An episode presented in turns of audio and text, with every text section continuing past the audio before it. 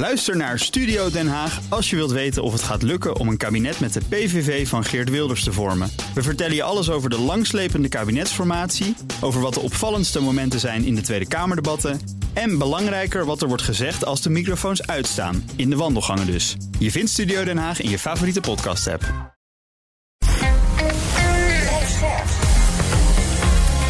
BNR Nieuwsradio. BNR breekt. Ivan Verrips. Goedemorgen en welkom. Vanaf half twaalf praat ik over het nieuws van de dag. Over het kabinet dat, as we speak, de voorjaarsnota in de Tweede Kamer verdedigt. Maar economen in NRC zijn duidelijk. En die zeggen, Rutte 4 maakt er een potje van. En we praten over de nieuwste Netflix-game. Een ja, een real-life spel eigenlijk, gebaseerd op... Ja... Squid Game, maar er gaan geen doden vallen. Zometeen na half twaalf allemaal. In mijn panel vandaag twee ondernemers. Moeja Houari, oprichter van Groei IT. Fijn dat je er bent. Hallo. En Davy van der Water, oprichter van de Lekker Company. Zij maken natuurlijke huidverzorgingsproducten. Goedemorgen. Goedemorgen. Fijn dat je er bent. We gaan beginnen met... BNR breekt. Breekijzer. En dat breekijzer heeft te maken met het nieuws van vanochtend... dat de massale toestroom van buitenlandse studenten... voorlopig niet zal worden afgestopt... want de wet die dat moet gaan regelen, komt er voorlopig niet. Minister van Onderwijs Dijkgraaf die heeft het wetsvoorstel... dat al bij de Eerste Kamer lag teruggetrokken... want hij wil eerst werken aan een gezamenlijke toekomstverkenning. De koepelorganisatie Universiteiten van Nederland... dat we vroeger kenden als de VSNU... die zijn hier niet zo blij mee. De kwaliteit die komt onder druk te staan doordat je studentenaantallen doordat die snel stijgen. En dat betekent dus dat je uh, per docent die je hebt of per uh, college wat je hebt, dat je met meer studenten bent. Dus dat je in vollere zalen zit, dat je minder persoonlijke begeleiding kunt krijgen. En aan de docentenkant betekent het dat de werkdruk omhoog gaat. Dat zei voorzitter Pieter Duisenberg van de Universiteiten van Nederland. Maar is het echt zo erg gesteld met die buitenlandse studenten? Ja, zij brengen toch ook kwaliteit en diversiteit met zich mee. En wij willen toch een grote open kenniseconomie zijn. Ons breekijzer vandaag: buitenlandse studenten zijn juist goed voor het hoger onderwijs. Wat vind jij? 020 468 4 keer 0 is ons telefoonnummer. 020 468 4 keer 0 En je kan ook stemmen via de stories van BNR Nieuwsradio. Op Instagram krijg je zometeen een tussenstandje van me. Zometeen hoor je hoe eh, Davy en Moenja erover denken. Maar ik begin bij twee andere gasten, namelijk Rianne Letschert... voorzitter van het college van bestuur van de Universiteit Maastricht. En zometeen is ook bij ons Terry van der Velde. Zij is uh, aankomend voorzitter van het ISO... het Interstedelijk Studentenoverleg... de belangenbehartiger van studenten in Nederland. Rianne, goedemorgen. Goedemorgen. Ja, als breekijzer, buitenlandse studenten zijn juist goed voor het hoger onderwijs. Eh, de teneur lijkt wat negatief te zijn. Wat vind jij? Nou, ik vind uh, absoluut dat buitenlandse studenten een verrijking zijn voor ons hoger onderwijs. Ze brengen allerlei perspectieven met zich mee vanuit hun thuislanden, die in heel veel universiteiten in wat we dan noemen de international classroom voor allerlei uh, positieve waarden voor het onderwijs uh, zorgen. Dus ik ben positief, maar ik herken ook de problemen die we in ons stelsel hebben. Maar dat zit niet zozeer aan die buitenlandse student vast, maar in het stelsel zelf. Dat wij weinig sturingsmechanismen hebben om gewoon voldoende op tijd ook je capaciteit voor zo'n nieuw academisch jaar in te regelen. En daar zit een knelpunt. En dat moeten we absoluut oplossen. Maar de buitenlandse student als zodanig brengt zowel voor het onderwijs, maar ook economisch. Als je kijkt naar wat een buitenlandse student even economisch oplevert. Uh -huh. Nou, dan is dat uh, netto gezien zijn dat bedragen waar uh, menig universiteitssteden heel blij van worden. En natuurlijk ook voor onze arbeidsmarkt, ja. waar wij te maken hebben met enorme vergrijzing. In, in, in de regio waar ik zit misschien nog, uh, nog net even iets meer dan in andere regio's. Dus we hebben ook gewoon internationale talenten nodig. Die uiteindelijk, hè, voor een deel blijven ze hier. Voor een deel worden ze ambassadeur van jouw land. Ja, volgens mij zijn dat allemaal waardes die wij als, uh, als Nederland, als klein uh, polderlandje, gewoon enorm nodig hebben. Ander deel gaat ook weer terug, dus heb je dan misschien niet zoveel aan. Het CPB heeft wel bent toch ambassadeur. Jij bent wel ambassadeur ja. van jouw land. Dat moeten we niet onderschatten. Als ze hier drie jaar uh, bachelor of een jaar master hebben gedaan, mm -hmm. hebben ze een band met jouw land gecreëerd.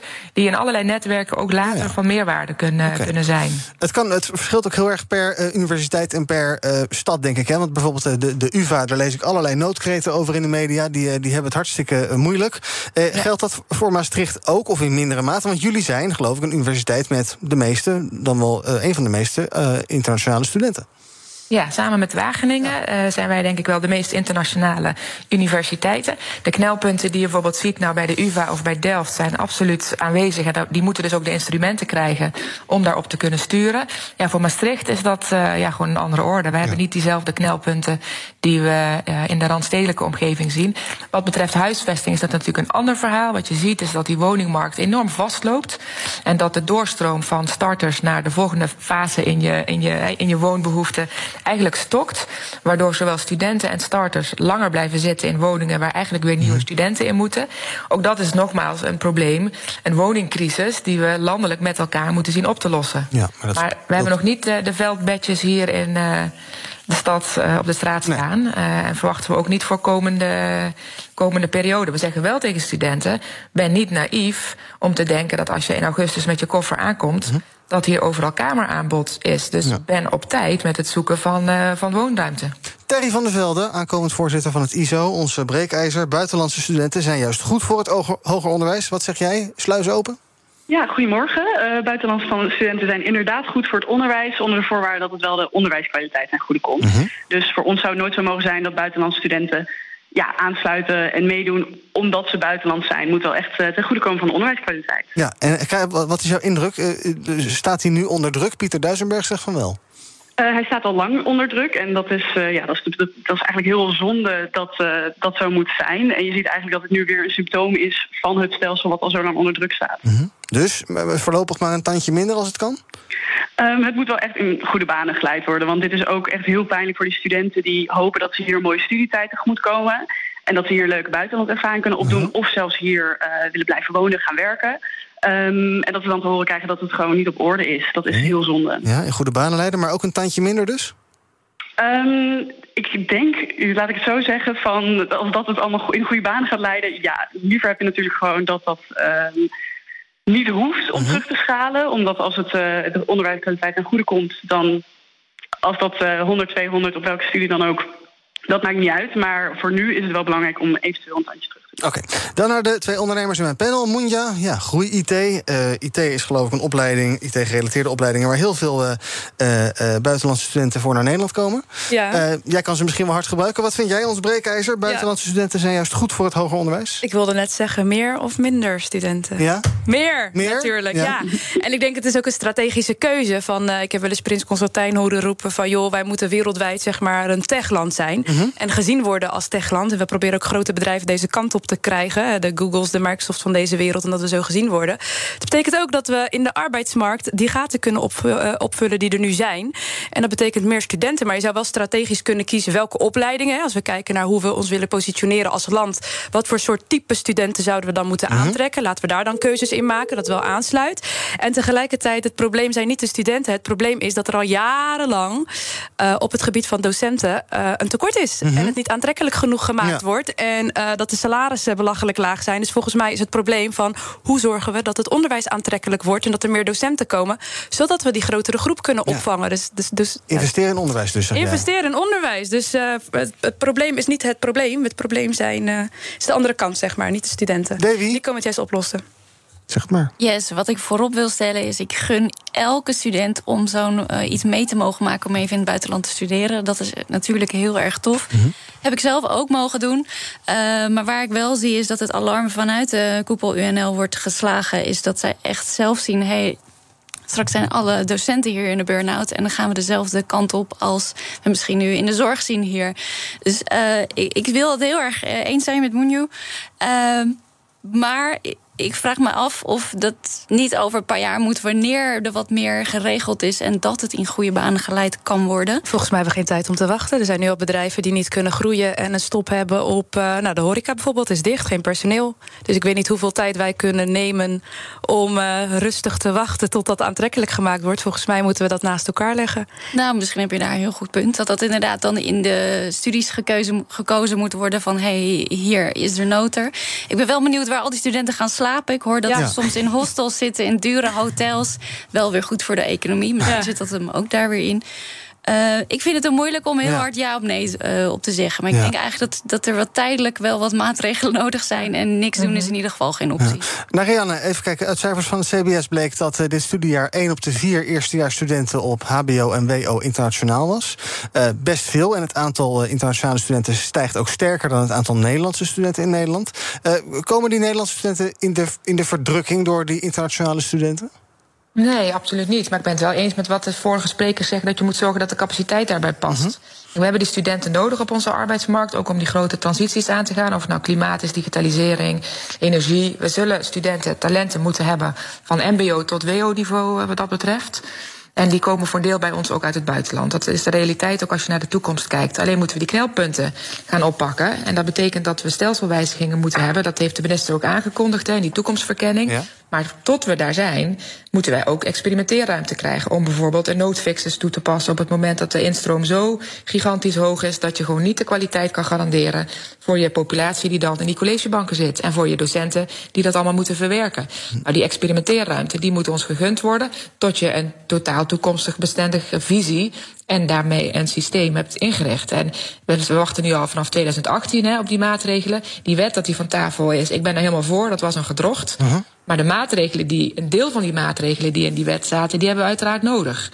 En die kunnen we op korte termijn, als we daar afspraken over kunnen maken met de koepel en het ministerie, in zo'n experimenteeromgeving, volgens mij gewoon toelaten. Oké, laten we even kijken naar wat er in die wet zat. Eh, Duisenberg zegt daar het volgende over. Een paar van die instrumenten die in die wet zaten. Ten eerste dat je voor eh, studenten van buiten Europa dat je een maximum kan stellen. Dus dan kan je dat aantal veel beter reguleren. Nou, de tweede mogelijkheid die erin zat, is dat je als een studie wordt aangeboden in het Nederlands en in het Engels, dan konden we de Engelse eh, variant konden we maximeren, terwijl we de Nederlandse variant volledig open en toegankelijk hielden voor de Nederlandse student. En ten derde zat er een mogelijkheid in dat als plotseling een aantal heel erg snel stijgt, dat je dan eigenlijk een soort noodstop kan doen en zeggen van ja, nu stoppen we de inschrijving. Terry, van welke van die eh, maatregelen die Pieter Duisenberg noemt, word jij warm? Nou, weet je, ik vind dat Ehm, elke. Oh, even, even naar Terry. Oh, excuses. Sorry. ehm, ik vind het lastig om er noodstop op te zetten. Ik snap dat er ehm, een beetje wanhoop dreigt met dat je het anders gewoon inderdaad de, de capaciteit tekort komt. Maar een eh, noodstop, dat klinkt heel drastisch. Want je wilt eigenlijk natuurlijk gewoon dat het systeem erop gebouwd is dat we het aankunnen. Ehm, en daarnaast vinden wij het gewoon heel erg belangrijk dat het wel met studenten per ehm, opleiding ingevuld kan worden. Je wil natuurlijk eigenlijk per opleidingscommissie kijken of het dan in Nederlands of het Engels of wanneer komt het ja, de opleiding ten goede om het in het Engels of het Nederlands te doen en de aantallen. Ja. Rianne, ik hoorde jou net zeggen, die wet is een gedrocht... maar een paar van die instrumenten wil ik wel. Dat vind ik niet zo goed met elkaar te rijmen. Hoe zit dat?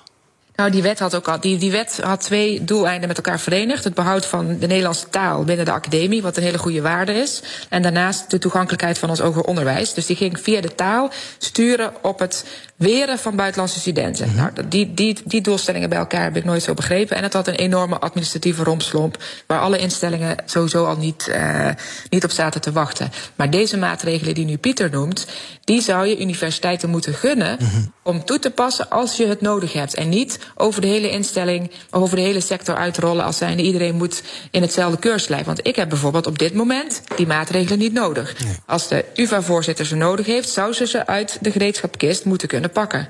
Dat is uiteindelijk wat we moeten kunnen hebben in een wat flexibeler, dynamischer stelsel. Waarbij je ook kijkt naar de behoeftes in de regio, het profiel van de universiteit. Nou, die aspecten had die wet eh, gewoon niet voldoende geborgd. Eh, hebben heeft onder, Onderwijzers Nederland de problemen niet ook een beetje aan zichzelf te danken? Want die universiteiten hebben het verleden ook volop gelobbyd om buitenlandse studenten naar Nederland te halen. Dat is allemaal een stuk minder, maar ja, dat heeft natuurlijk wel gevolgen en na-effecten.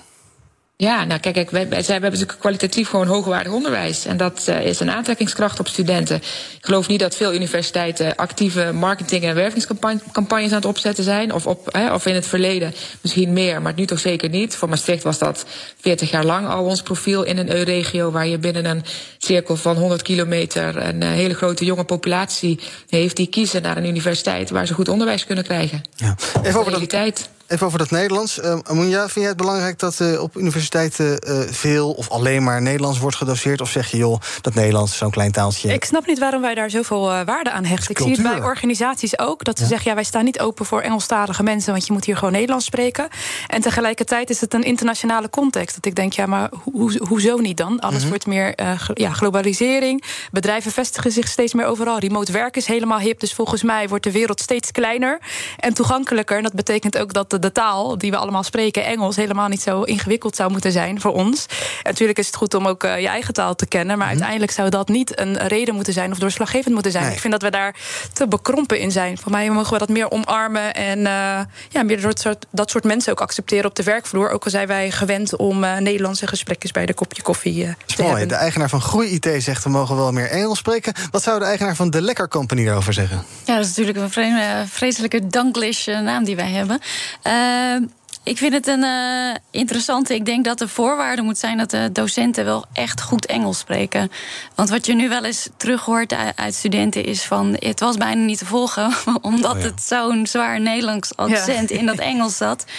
Um, ja, dus het ligt een beetje aan het vakgebied, denk ik. Hè. Soms zeker misschien in de psychiatrie, psychologieopleidingen... dat je denkt, nou, daar moet zo de diepte in... dan moet je de taal zo goed kennen dat het daar misschien heel belangrijk is. En zeker in de IT waar jij zit, denk ik, ja, alsjeblieft, ga allemaal in het Engels. Ja. ja. Uh, Laat dat Nederlands dan maar, zeker voor die sectoren. Dat denk ik wel. Ja. We hadden wat problemen met de telefoon, dus vandaar dat je nog geen bellers hebt gehoord van uh, buiten. Maar als het goed is, hebben we die nu wel aan de telefoon. Mocht je nog willen reageren, ons breekijzer. Buitenlandse studenten zijn juist goed voor het hoger onderwijs. 020 468 4 keer 0 De telefoon werkt, dus bel nu. Dan spreek ik je zo meteen. 020 468 4 keer 0 Gerwin, goedemorgen. Ja, goedemorgen. Zeg het maar. Ik, ik, ik, ik wil net nog eventjes uh, de, de, de, studies uh, psychologie en dergelijke voorbij komen. Waarbij dus de, de, de diepere nuances erg belangrijk zijn. En daar, ja, daar, daar kan ik alleen maar mee instemmen.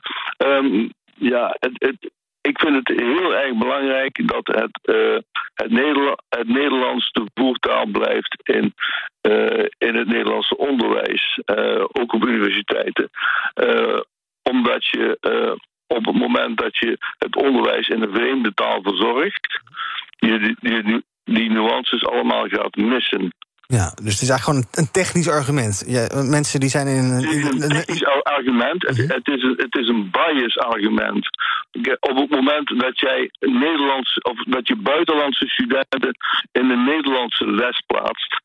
Uh, dan hebben die al een nadeel. Als je bijvoorbeeld uh, een, een, een Turkse leerling hebt in een klas Duits, dan heeft hij al een nadeel op het moment dat hij woordjes moet leren en daarbij de geslachten moet kennen. Als hij in het Nederlands al niet weet of het het of, het of de tafel is, dan loopt hij ook bij het leren van het, van het Duits loopt hij tegen het probleem aan en dan is hij in de toetsing al benadeeld. Um, ik zie Moenja een beetje nee schudden. Nee, ik snap wel die overtuiging niet. Volgens mij moet je het dan toch juist doorbreken... door mensen dat wel te leren. Ik snap je punt niet die je probeert te maken. Dus we moeten dit eigenlijk in stand houden. En mensen niet de kans nee, geven om het wel je, te leren. Nee, nee, nee. Moet, ik zeg niet dat je iets in stand moet houden. Wat ik zeg is dat je door um, in, de vre in een vreemde taal te doseren... Ja mist de docent de mogelijkheid om, om zich uh, uh, precies in alle nuances uit te, te, te drukken. Ja. En de, de, uh, de Nederlandse leerling of de Nederlandse student, die, ehm, die wordt op een achterstand situatie gezet, omdat die ehm, stof aangeboden krijgt in een taal die niet zijn moedertaal is. Ja, Oké, okay. dus... okay, jullie posities zijn duidelijk. Ik ga zo meteen even Rianne het doorslaggevende woord laten geven hierover. Uh, Mohamed, goedemorgen.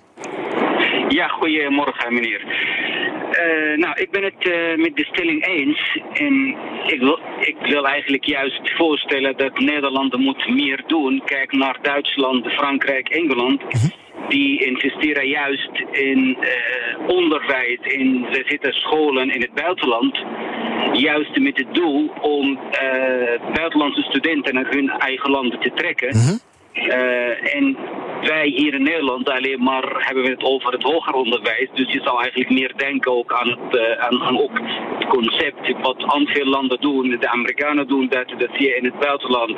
En voor onze werk kom ik heel vaak in landen. En Maastricht heeft een, een internationale naam opgebouwd. Dus voor ons ook als een bedrijf, dat, dat geeft ons enorm veel kracht. Ja. Als een man in het buitenland eh, zegt ja, ah, dat, eh, wij werken samen met Maastricht of Groningen of, of welke stad dan ook is. Dat stimuleert ook de samenwerking tussen bedrijven in, in, in het buitenland. Ja. Dus ik zou zeggen, joh, eh, in plaats van zeggen minder studenten, je moet nadenken van waar ligt het hem in? Ligt het aan de capaciteit? Ligt het aan de taal? Ligt het aan de, de woning? Dan moet je daar naar een oplossing zoeken in plaats van zeggen geen buitenlandse studenten. Duidelijk, dank voor het bellen, Mohammed. Eh, Terry, nog wel eventjes het ISO, Interstedelijk Studentenoverleg. Eh, zijn jullie nou, eh, ja, komen jullie op voor de eh, Nederlandse studenten... of ook behartigen jullie ook de belangen van de internationale studenten? En botst dat dan wel eens? Eh, wij behartigen de belangen van heel studeren in Ja. Nederland. Dus ook de internationale studenten die in Nederland studeren. Ehm, ik, en de botsingen, ik denk waar iedereen in het onderwijs mee zit, is inderdaad dat het lastig is om te bepalen wanneer in het Engels, wanneer in het Nederlands. Hoe geef je dat zo goed mogelijk vorm? En hoe, ja, hoe zorg je dat het de onderwijs het best uitkomt? Het ging net ook al kort even over ehm, dat het Engels van bijvoorbeeld de docenten wel ja, goed moeten zijn. En daarnaast is voor ons ook heel belangrijk dat een, ehm, een opleiding met een reden in het Engels of in het Nederlands wordt gegeven. Want we hebben bijvoorbeeld al net een paar voorbeelden benoemd, maar ook als je een studie internationale betrekkingen hebt, waarbij je mensen ook voorbereidt op ja, werk in het internationale veld. Eh, om dat alleen maar in Nederlands te doen, dat, dat is raar, dat is vreemd. Dus je wilt eigenlijk ook dat er een onderbouwing aan zit waarom het Nederlands of Engels is. En dus idealiter in samenspraak met de student.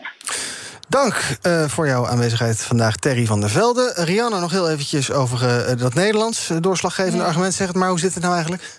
Ja, nou even. Kijk, de, de, de taalkeuze van de opleiding moet passen bij het vakgebied waar je uiteindelijk in komt, bij de arbeidsmarktbehoeften. En als je dan bijvoorbeeld kijkt naar psychologie, daar wil ik toch even terugduwen. Er zijn bijna aan alle universiteiten Nederlandstalige opleidingen psychologie die opleiden voor de klinisch psycholoog die op de Nederlandse arbeidsmarkt gaat werken als psycholoog. En er zijn Engelstalige opleidingen in de psychologie die heel erg in de neuroscience zitten.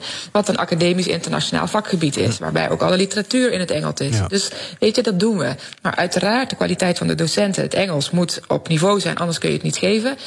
Maar het, het, wat, wat de meneer aan de telefoon zei, dat de kwaliteit van onderwijs door het, het, het onderwijs in het Nederlands en het ontvangen in het Nederlands onder druk staat, ja, dat blijkt uit echt geen onderzoek.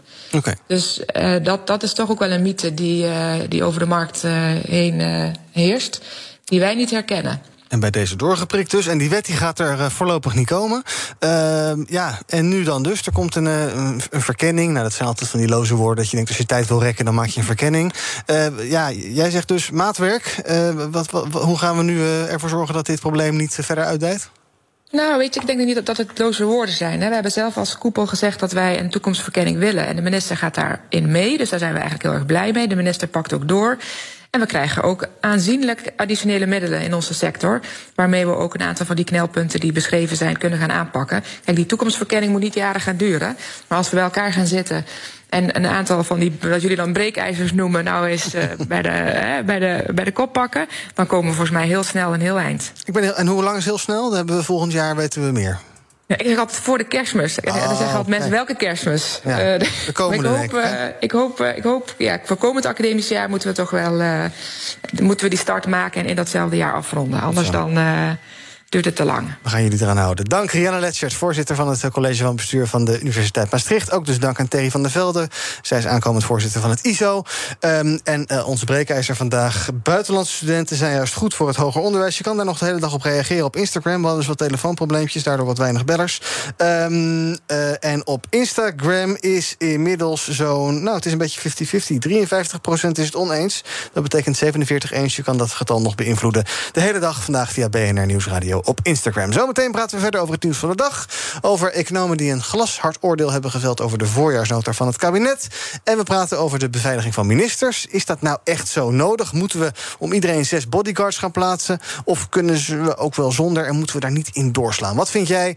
Eh, ik ben heel benieuwd. Hoor je zo meteen van mijn panelleden in het tweede deel van BNR Breekt.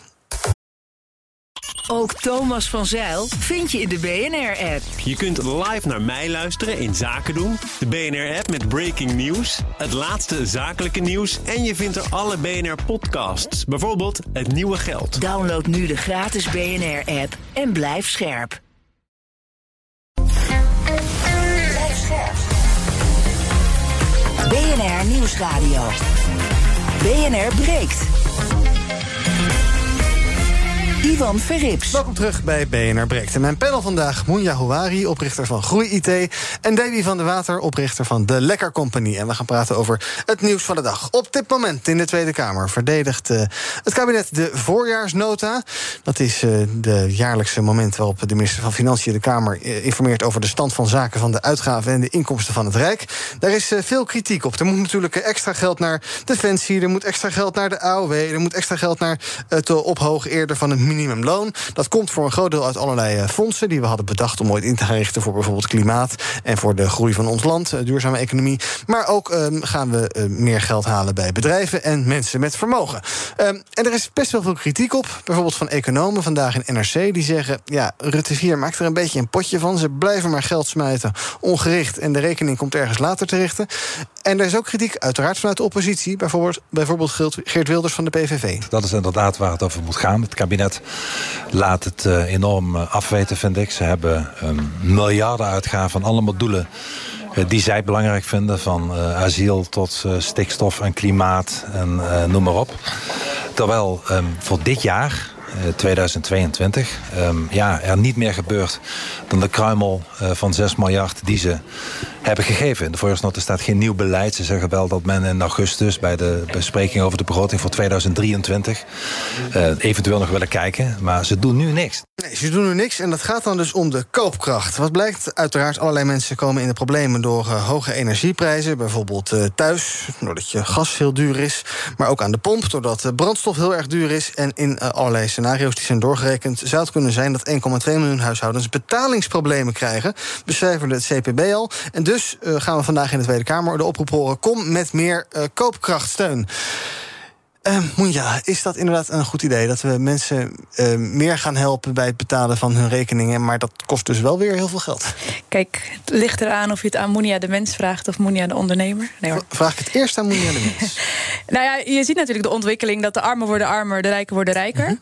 En door allerlei ontwikkelingen en door oorlog zie je dat het impact heeft. En ik vind wel in een land als Nederland moet je er wel vanuit kunnen gaan dat de basis goed is. En als betekent dat mensen die gescheiden zijn of geen werk hebben of uh, alleen ervoor staan, de dupe zijn en uh, de basisvoorzieningen uh, niet hebben, vind ik dat we daar met elkaar voor moeten zorgen. Mm -hmm. uh, tegelijkertijd zie je ook andere ontwikkelingen, net als de GGZ, weet je wel, steeds meer mensen op de wachtlijst, steeds meer mensen die psychische problemen hebben. En ik vind dat wel hele cruciale thema's. Als we op lange termijn hier een land willen maken die, die, die ja, wat gewoon goed is voor onze kinderen en onze kleinkinderen, ja. moeten we gewoon met elkaar dat uh, helpen. En wat zegt Moeja aan de ondernemer? Ja, moet jij de ondernemer daar best wel aan bijdragen. Natuurlijk voel je uh -huh. dan de pijn, want je denkt dan van, uh, oké. Okay, ja, daar gaat de vennootschapsbelasting en daar gaat de belasting op vermogen in box 2 en 3. Moet nog meer betalen, maar aan de andere kant, ja, dat is denk ik ook wel een soort drijfveer van een ondernemer. Is ook dat je impact wil maken op het ecosysteem. Dus niet alleen voor jezelf, maar ook voor de mensen om je heen.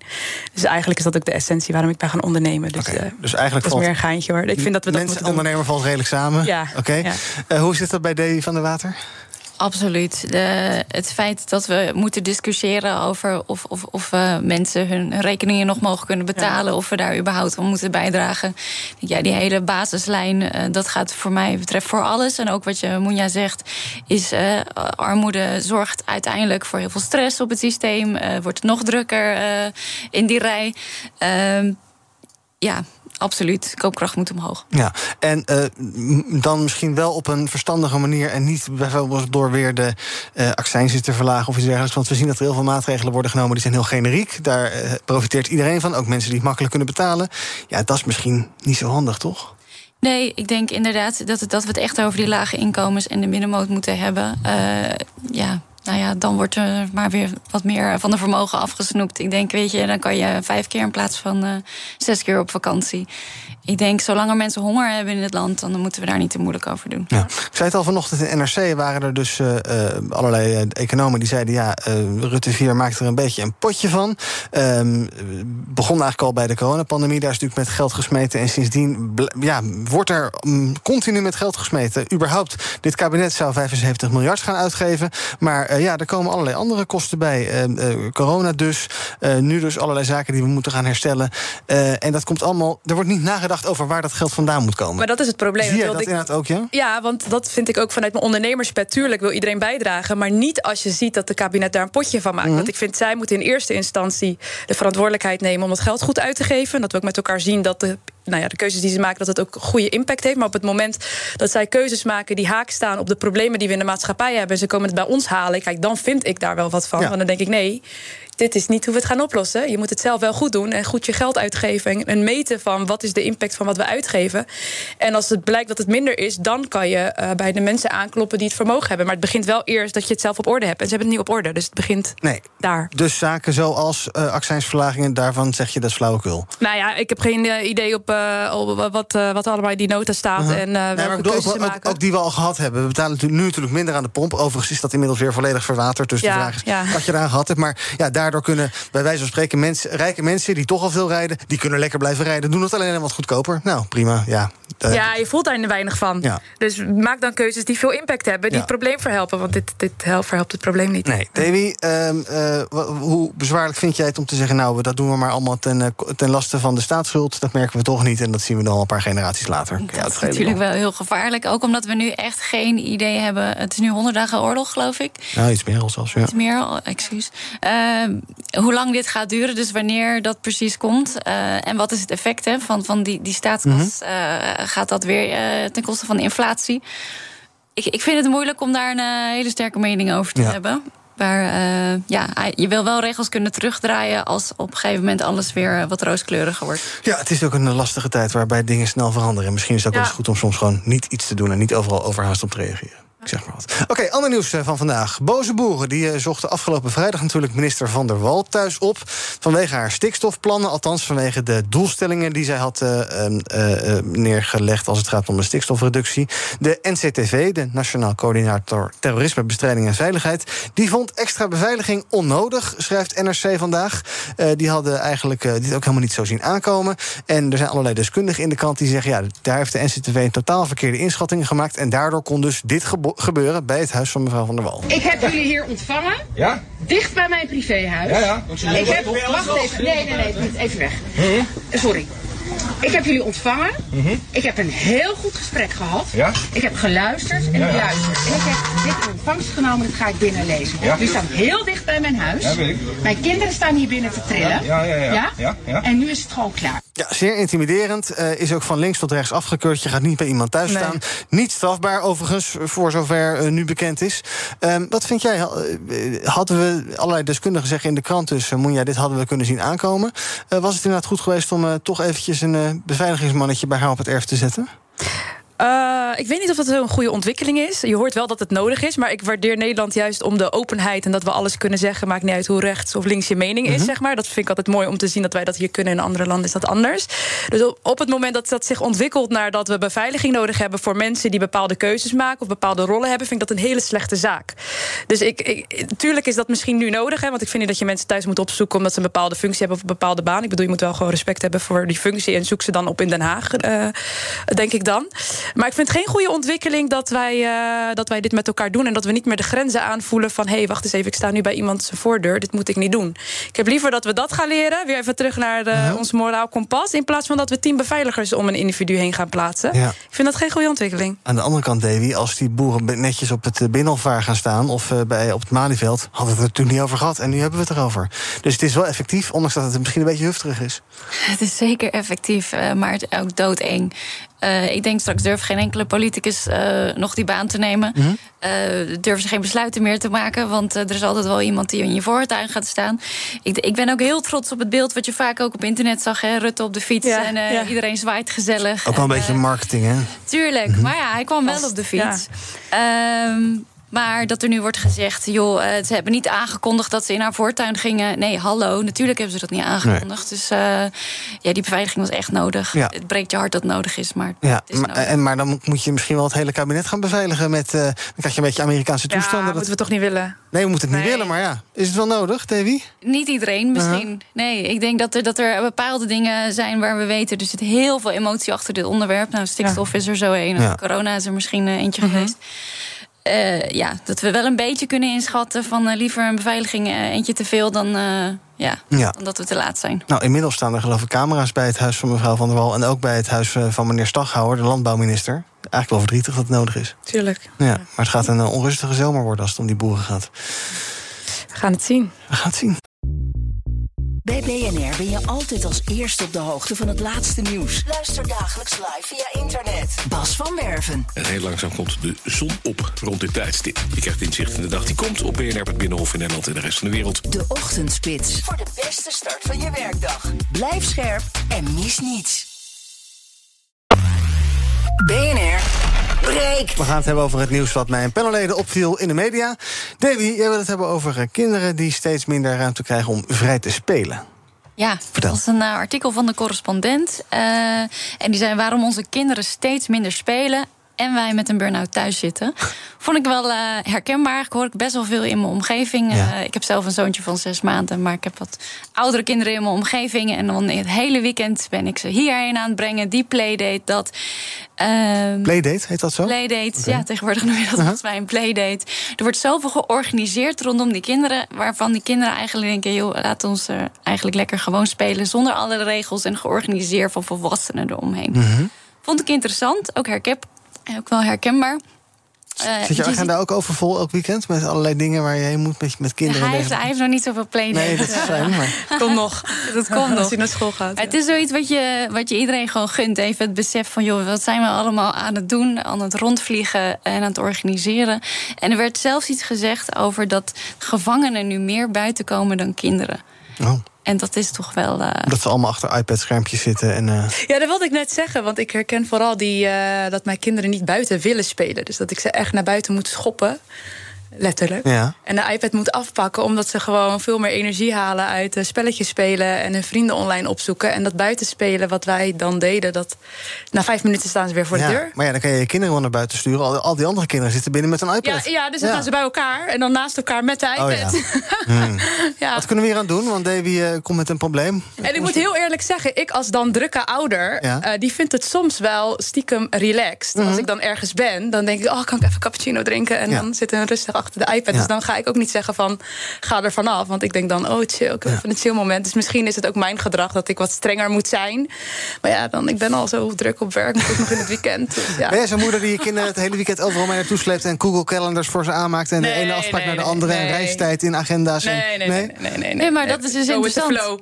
Wat je nu zegt van, maar dan moet ik iets. En, en dat is eigenlijk een beetje het gros van het artikel. Van, nee, jij hoeft dus als volwassene niet de hele tijd te organise- or- organiseren... wat die kinderen dan wel gaan doen. Dus het is, het, het is eigenlijk pleit het een beetje voor verveling. Hè? De, de, de kans in de agenda om te vervelen... omdat weer creatief, eh, Ja. creativiteit dan ontstaat.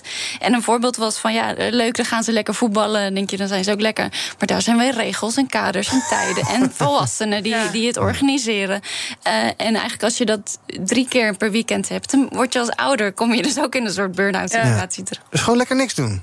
Ja, wat minder misschien. Kijk eens naar je agenda en denk van... joh, één sport is misschien genoeg voor de kinderen... en voor de rest kunnen ze lekker leuke dingen gaan doen. Ja. Misschien heel naïef, hè? Mijn zoontje is zes maanden... dus ik moet het allemaal nog gaan Ja, meemaken. we spreken over een paar jaar nog wel. Dat zou goed kunnen. Maar ik vond het een mooi artikel. En op de werkvloer is het trouwens ook zo. Want op de werkvloer zijn we ook helemaal volgepland met allemaal meetings. Dat je geen tijd hebt voor creativiteit of nadenken. Was dat alles moet. creativiteit in je agenda Ja, gepland? ja, als een nu- moment, nu moet ik creatief zijn. Oh ja. Oh ja, ik kom niet. Ja. Nee, dat gaat hem niet worden. Oké, Moeja, je wil het hebben over minister van Gennep... die eh, Franse jeugdwerklozen eh, ja, naar Nederland wil halen... zeg maar eventjes om op- hier op de arbeidsmarkt aan de slag te gaan. Daar is veel kritiek op gekomen op dat plan. Wat vind jij ervan? Ja, het- was niet zozeer eh, zij of het plan, maar meer de, de, de ontwikkeling van mensen deze kant op eh, halen. Ik zit natuurlijk in de IT-techwereld, maar ik had het net al een beetje erover met die studenten. Van dat ik het persoonlijk wel een goede ontwikkeling vind, gezien de context waar ik me in bevind. Eh, we zien dat het gewoon heel moeilijk is om IT'ers te werven in Nederland. Dus dat betekent dat we naar veel andere landen gaan. Alleen het is best wel complex om goede landen uit te kiezen die qua cultuur heel erg aansluiten eh, eh, bij Nederland. Dus ik dacht, ja, als je Europese landen hebt waarvan je weet, cultuurmatig hè, past het bij onze normen en waarden en uh, matcht dat heel goed. Waarom ze dan niet naar Nederland halen? Ja. Omscholen. En natuurlijk wel met bepaalde randvoorwaarden. Hè, dat je echt een goede wasstraat opzet. Mm -hmm. Dat je ze goed. hè, want het waren werkloze jongeren. Volgens mij waren het ook mensen die in de bias hadden gezeten. Ik ben wel voorstander van mensen een kans geven. En als ze hè, in de basis analytisch genoeg zijn en ze willen graag die tweede kans pakken, dat wij dat gewoon heel goed faciliteren. Van oké, okay, dit, dit is een wasstraat van een jaar, hier ga je doorheen. Dit is wat we van je verwachten. Dat we in ieder geval dat gat wat we nu hebben en waar we mee te dealen hebben, dat we dat kunnen opvullen. Ja. Want we redden het gewoon niet met mensen in Nederland. Nou, is dat zo? Vakbond CNV zegt het is een bizar plan van, van Gennep. Want in Nederland staan een miljoen mensen aan de kant. En dat zijn bijvoorbeeld uh, 55-plussers. Twee derde daarvan die wel een baan zoekt, komt maar niet aan de, baan, aan de, aan de bak. Ja, ik bekijk hem nu IT-gerelateerd. Ja. Dus ik weet niet of die 55-plussers qua competenties en vaardigheden aansluiten bij het IT-vakgebied. Maar als dat het geval is, van harte welkom. Uh -huh. Ik zou zeggen, zoek me op op LinkedIn en ik help je graag. Ja, of mensen met een arbeidsbeperking, die hebben het ook moeilijk.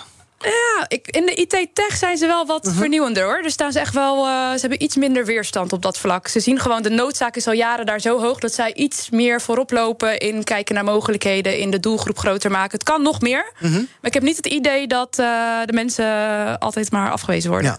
En in hoeverre uh, moeten Fransen zich aanpassen als ze bij jou op werk kunnen, uh, kunnen functioneren? Mogen ze tussen de middag bijvoorbeeld geen wijn drinken tijdens de lunch?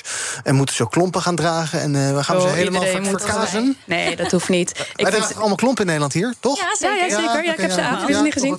Ja. Nee, ik vind gewoon uh, qua cultuur en zo... Uh, we zijn toch voor diversiteit. Mm. Dus dan moeten we omarmen dat iedereen anders is. Dus uh, gewoon, ze mogen hun cultuur gewoon lekker behouden. Het gaat er meer om dat ze op het vakgebied de aansluiting vinden. Heerlijk, een glaasje wijn om half één. Oké, okay, we gaan kijken wat er trending is op de socials. Onder andere hashtag Internet Explorer. Jarenlang was het dé populaire webbrowser. En nu trekt Microsoft na 27 jaar grotendeels de stekker eruit. Het bedrijf stopt vandaag met de ondersteuning voor Internet Explorer 11 op Windows 10. Ja, dit geluid, we kennen het allemaal nog wel. Hashtag Oranje is trending nadat het Nederlands elftal voor de tweede keer op rij... in de allerlaatste minuut van de wedstrijd wist te winnen van Wales. Dumfries. En daar, Depay, ja weer! Toch weer! Het is niet te geloven! Je zou zeggen, het kan niet. Want het gebeurde zes dagen geleden al. Ja, Memphis Depay. Ik ben in hetzelfde dorp als hem opgegroeid. Ik denk dat hij mij niet kent. En hem wel een beetje. Ik heb wel eens uitgerekend hoe lang uh, uh, ik erover doe... om te verdienen wat hij in een maand verdient. En? Niet leuk. Moet je echt niet doen. Tot slot van deze uitzending gewoon nog even naar Netflix. Zij komen met een nieuw ja, soort real-life spelshow... gebaseerd op... Ja, Jij kent hem misschien al. De Koreaanse hitserie Squid Game. In Squid Game The Challenge gaan, net als in die televisieserie... 456 deelnemers um, proeven en uitdagingen uitvoeren... om uiteindelijk als winnaar over te blijven. Het fijne is wel dat je niet wordt doodgeschoten als je het niet goed doet. Dat is wel prettig, maar je kan wel heel veel geld verdienen. Namelijk 4,5 miljoen euro is geloof ik een record. Dat is dan wel weer fijn. Um, het is ook wel een beetje cru misschien. Ik weet niet of je Squid Game gezien hebt, Davy. Ja, is het ook het idee dat er mensen in de schulden hier aan mee gaan doen? Ik geloof niet dat we alleen maar mensen aan de onderkant van de samenleving. Inderdaad, je kan jezelf aanmelden. Nederlanders mogen trouwens ook meedoen. Je moet wel een beetje Engels spreken. Iets voor jou? Leuk. Nee. Nee, ik denk het niet. Waar, waar, waar, waar gebeurt dit? Op Netflix dus. Het is natuurlijk de originele, Netflix, de originele serie is maar van wordt, Netflix. Wordt het in Korea opgenomen? Weet ik niet, dat is een goeie. Ja, dat ligt het misschien wel aan. Ja, en wat we moeten doen misschien. Ja, maar, maar is het een pre naar Korea of juist niet? Ja, dat lijkt me wel leuk. Ja, en dan dat je een beetje mee moet doen aan zo'n serie. Ja, nee, ik, ik, ga, ga, ik ga me niet. Ik ga, ik, ik, als ik die spellen zie, dan ga ik sowieso niet winnen. Uh -huh. uh, daar ben ik niet. Uh, niet sportief genoeg voor. Okay. Maar nee, ik ga niet meedoen. Nee. Wat vind je ervan, uh? Ik vond het ook wel een beetje cru toen ik het dacht van... ja, dit is een, een serie, een hele cruwe serie die draait... omdat iedereen ja. wordt doodgeschoten. Uiteindelijk blijft er één iemand over. En daar gaan we dan een soort real-life serie, soapachtig ding van maken? Ja, toen ik het zag, vond ik het wel creepy. Maar aan de ene kant denk ik het concept aan zich mm -hmm. van wedstrijden. En dat steeds, ja. ja. op zich is dat, dat kennen we, dat is niet raar. Nee. Het is meer de poespas eromheen en uh, het geweld eromheen wat anders is. Ja. Maar als ze dat niet nadoen, ik wil best wel meedoen. Hoor. Dat wil je wel meedoen. nou, dan kunnen we dus een uh, inschrijving van Munja Houari uh, tegemoet zien. Ik vind dat die muziek zo raar van Ja, dat is zo. Dat is creepy. Oh, ja. Heel eng. Nou ja, goed. We gaan het zien binnenkort op Netflix dus. Dank jullie wel vandaag voor jullie aanwezigheid. Munja Houari, oprichter van Groei IT. En Davy van de Water, oprichter van de Lekker Company. Morgen, dan ben ik er weer uh, met BNR Break. Tot die tijd kun je ons volgen via de socials. Zoek maar eventjes op BNR, dan vind je ons op allerlei plekken. Zometeen is Thomas hier met Zaken doen. Tot Ook Liesbeth Staats vind je in de BNR-app. Ja, heel handig. Luister live naar Kees en mij tijdens de Daily Move. Dan blijf je ook gelijk op de hoogte van breaking news en het laatste zakelijke nieuws. En daar vind je ook alle BNR-podcasts, waaronder de Perestrooikast. Download nu de gratis BNR-app en blijf scherp.